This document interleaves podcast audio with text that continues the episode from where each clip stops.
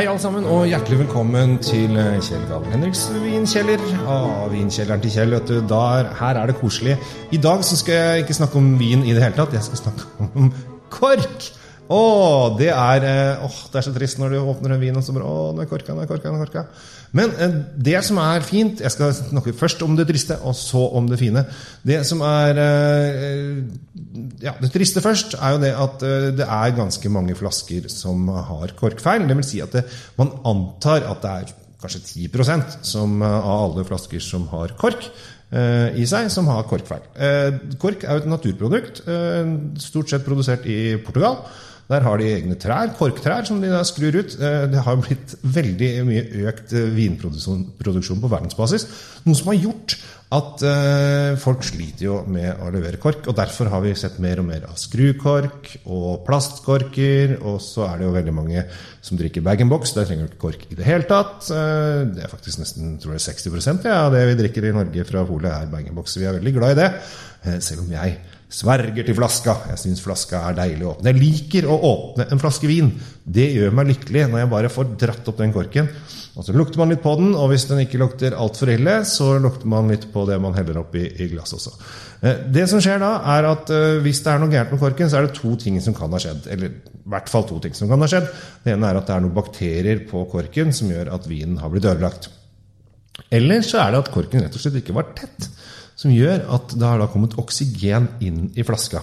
Og da på en måte har eh, vinflasken stått litt åpen. Og da blir den dårlig etter hvert. Da øh, lukter det litt sånn øh, skal jeg si, eddik, øh, neglelakkfjerner eller litt sånn epleskrottaktig. Det lukter, lukter noe gærent, da.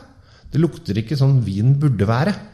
Eh, og det er jo ikke sånn det skal være. Man vil jo gjerne ha en vin sånn som vinen skal være. Eh, nå kan det hende at eh, det er faktisk en del flaskefeil, som det heter da. Da er det plutselig ikke kork, det heter flaskefeil på skrukorker og andre tetningsmuligheter også. Så da er det rett og slett at det har kommet for mye oksygen inn i flasken. Og det er litt som, akkurat som hvis du setter en en flaske åpen på, på kjøkkenbenken hjemme og lar den stå der i to måneder, så vil nok vinen ikke være spesielt god. Da omdannes oksidereren sånn at det blir litt sånn eddik ut av det. Um, og det er jo ikke det vi har lyst til å gjøre når vi har kjøpt oss en vin som man forhåpentligvis skal glede seg over.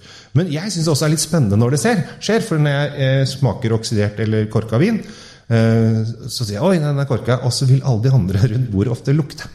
Eh, Fordi eh, er, Det er veldig greit å lære seg å gjenkjenne den lukten, som gjør at du lett kan eh, si det, så du slipper å ha drukket en hel flaske. Jeg tror det er ganske mange som drikker korka vin uten at de tenker noe annet på det. At åh, det var ikke sånn kjempegodt dette her.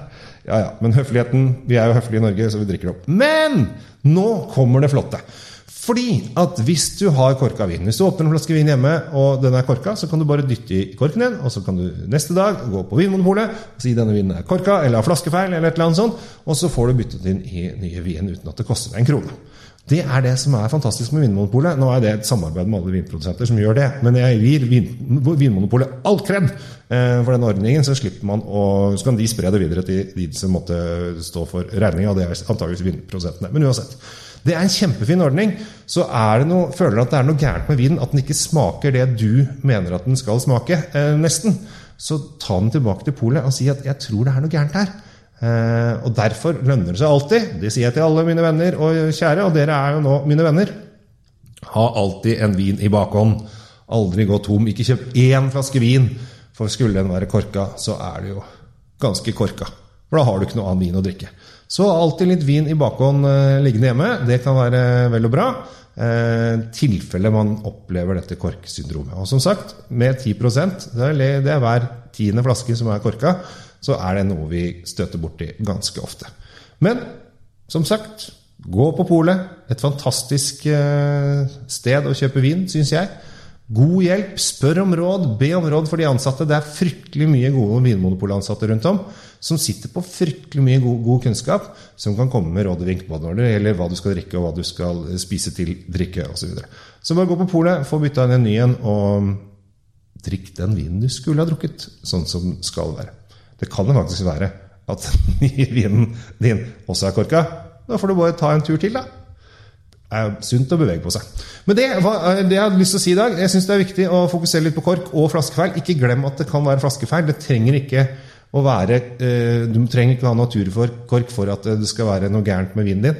Det kan være feil på bag-in-bokser også. Husk det at hvis det er en liten lekkasje et eller annet sted som har gjort at det har kommet mye, for mye luft inn i vinen, eller rett og slett at det har vært noe gærent med tønna som vinen kommer fra, for den, for den saks skyld, så kan det være feil på det også. De prøver å sikkerhetskontrollere mye, men det er ikke alt som går. Så det kan være gærent med med bag-in-boksen din også. Så husk det. Er den, smaker ikke vinen sånn som du syns at vinen skal smake, gå og få sjekka. Med det ønsker jeg alle en riktig fin vinuke. Hyggelig at dere hører på meg, og ta vare på dere sjæl, og drikk riktig. Ha det bra!